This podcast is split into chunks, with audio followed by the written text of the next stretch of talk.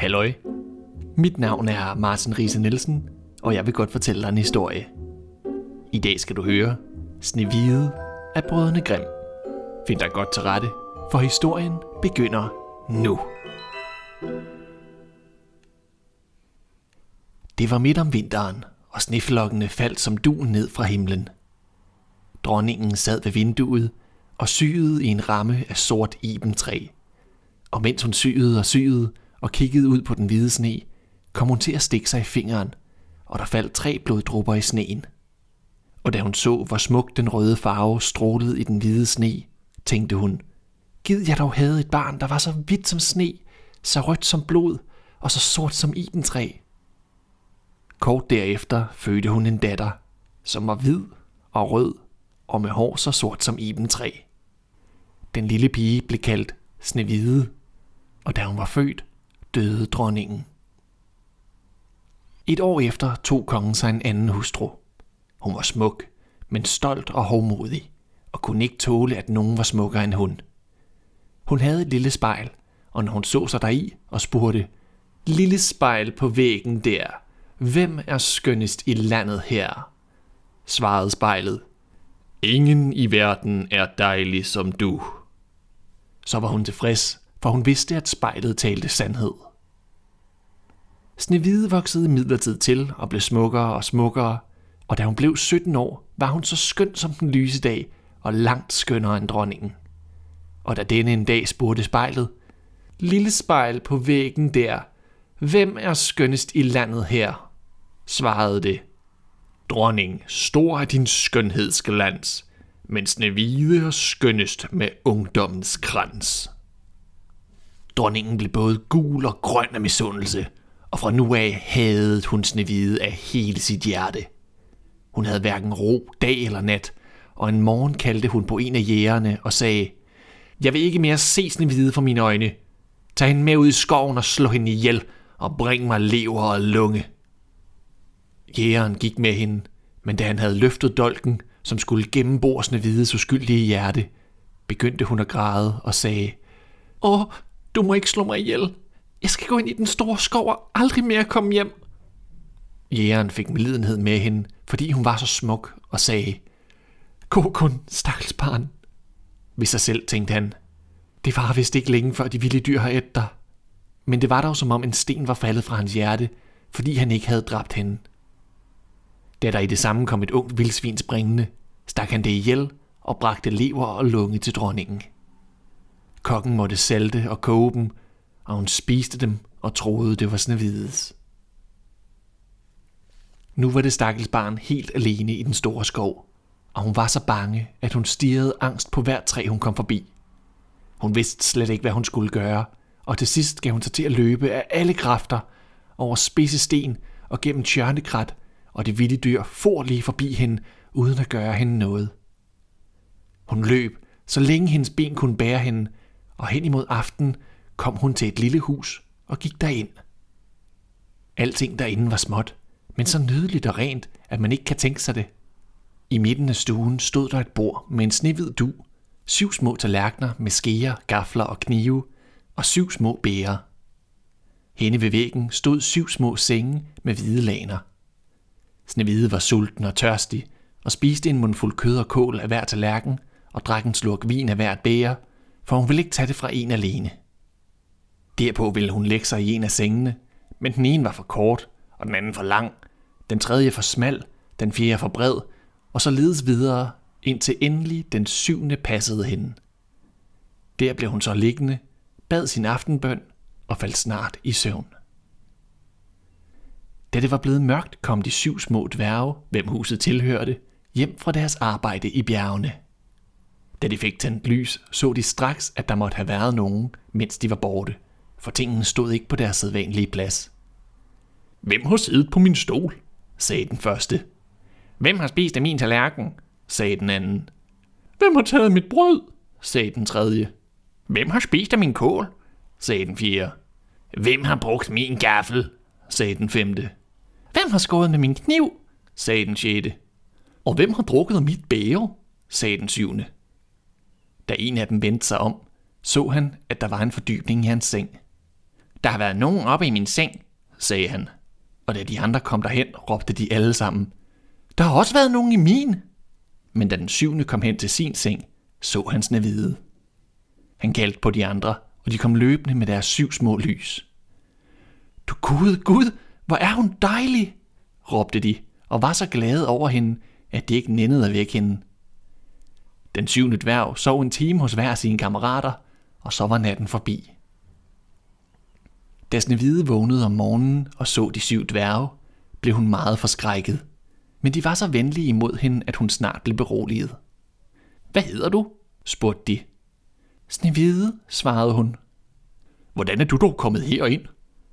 Hun fortalte dem da, at hendes stedmor havde ville dræbe hende, men jægeren, der skulle gøre det, havde givet hende lov til at løbe sin vej, og så havde hun gået hele dagen, lige til hun var kommet hen til det lille hus. Hvis du vil holde orden i huset og lave mad og sy og strikke for os, sagde dværgene, så må du gerne blive her, og vi skal nok være gode imod dig. Snevide sagde straks ja og blev hos dem. Om morgenen gik dværgene ud i bjergene for at arbejde, og når de kom hjem igen om aftenen, havde Snevide maden færdig til dem. Hele dagen var hun alene, og dværgene advarede hende ofte og sagde, Tag dig ikke for din stedmor. Hun får nok at vide, at du er her. Lad ingen komme ind til dig. Da dronningen havde spist det, som hun troede var Snevides lever og lunge, gik hun hen foran spejlet og spurgte. Lille spejl på væggen der. Hvem er skønnest i landet her? Spejlet svarede. Ingen i landet er dejlig som du. Men Snevide langt borte bag de syv bjerge, hos de syv små gode, flittige dværge, hun er tusindfold mere dejlig end nu. Da blev hun forfærdet, for hun vidste, at spejlet talte sandhed, og hun mærkede nu, at jægeren havde narret hende. Hun tænkte dag og nat på, hvordan hun skulle komme Snevide til livs, og endelig fandt hun på råd. Hun malede sit ansigt og klædte sig på som en gammel sælgekone, så hun var ganske ukendelig. Derpå gik hun over de syv bjerge til de syv små dværge, bankede på døren og råbte, Her er billige varer at få. Snevide kiggede ud af vinduet og spurgte, Hvad har I da? Mm-hmm. Mange gode ting, svarede konen. Se her, smukke snørebånd. Og hun viste hende et, der var flettet af broget silke. Den skikkelige kone kan jeg da nok lukke ind, tænkte Snevide, gik hen og åbnede døren og købte de smukke bånd. Men hvordan er det, du ser ud, barn? sagde den gamle. Kom her, så skal jeg snøre dig ordentligt. Snevide tænkte ikke noget ondt derved, men stillede sig hen foran konen. Men den gamle snørrede så hurtigt og så fast, at Snevide ikke kunne få vejret og faldt om som død. Nu kan du sige, at du har været den smukkeste, sagde hun grinende og skyndte sig bort. Kort efter kom de syv dværge hjem og blev meget forskrækkede, da de så deres kæresne hvide ligge som livløs på gulvet, uden at røre sig. De løftede hende op, og da de så, hvor fast hun var snørret, skar de båndene i tu. Hun begyndte der at trække vejret ganske svagt, og lidt efter kom hun til sig selv igen. Da dværgene hørte, hvordan det var gået til, sagde de, Det har sikkert været den onde dronning.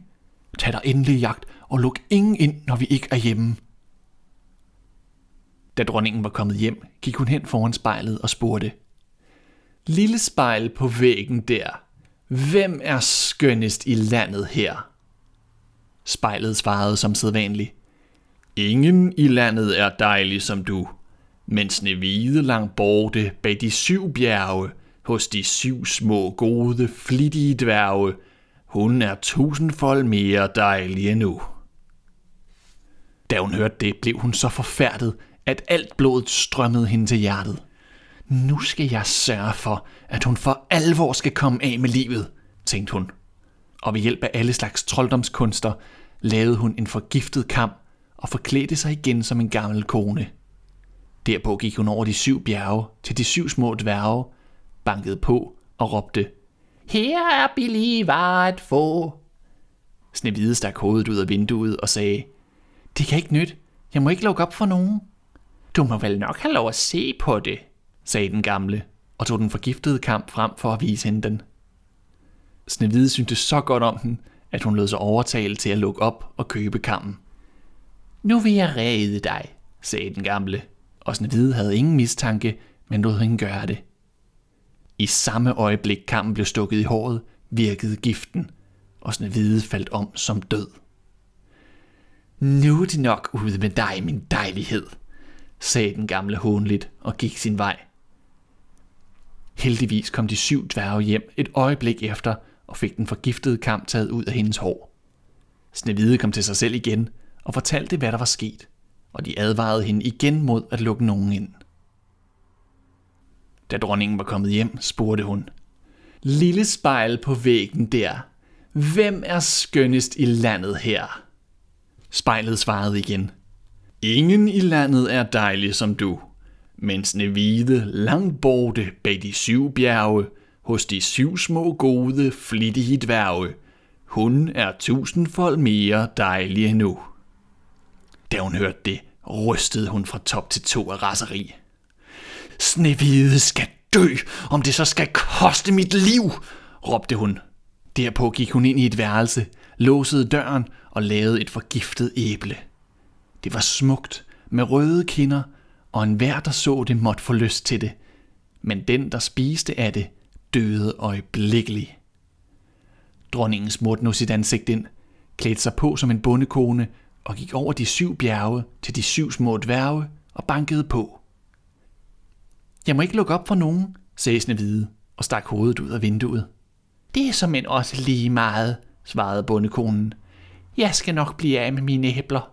Se her, det må du have. Nej tak, svarede Snevide. Jeg må ikke tage imod noget som helst. Er du måske bange for, at det skal være giftigt? spurgte den gamle. Nu skærer jeg det over, så får du det røde, og jeg spiser det hvide. Æblet var nemlig lavet sådan, at kun den røde side var forgiftet. Snevide havde stor lyst til det dejlige æble, og da hun så, at konen spiste deraf, kunne hun ikke modstå, men rakte hånden ud og fik det halve æble.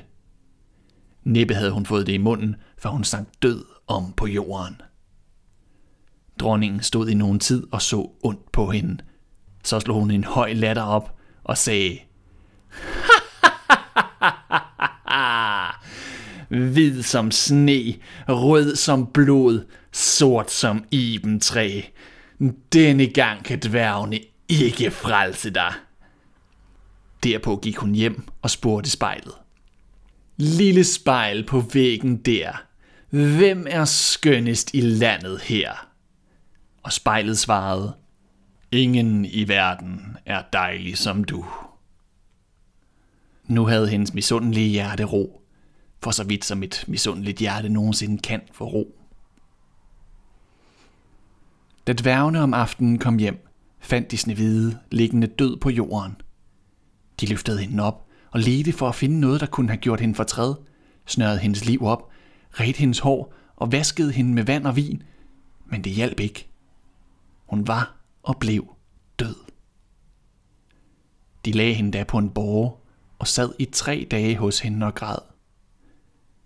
De ville nu begrave hende, men hun var så smuk med friske røde kinder, at de ikke kunne bære over deres hjerter at lægge hende ned i den sorte, kolde jord.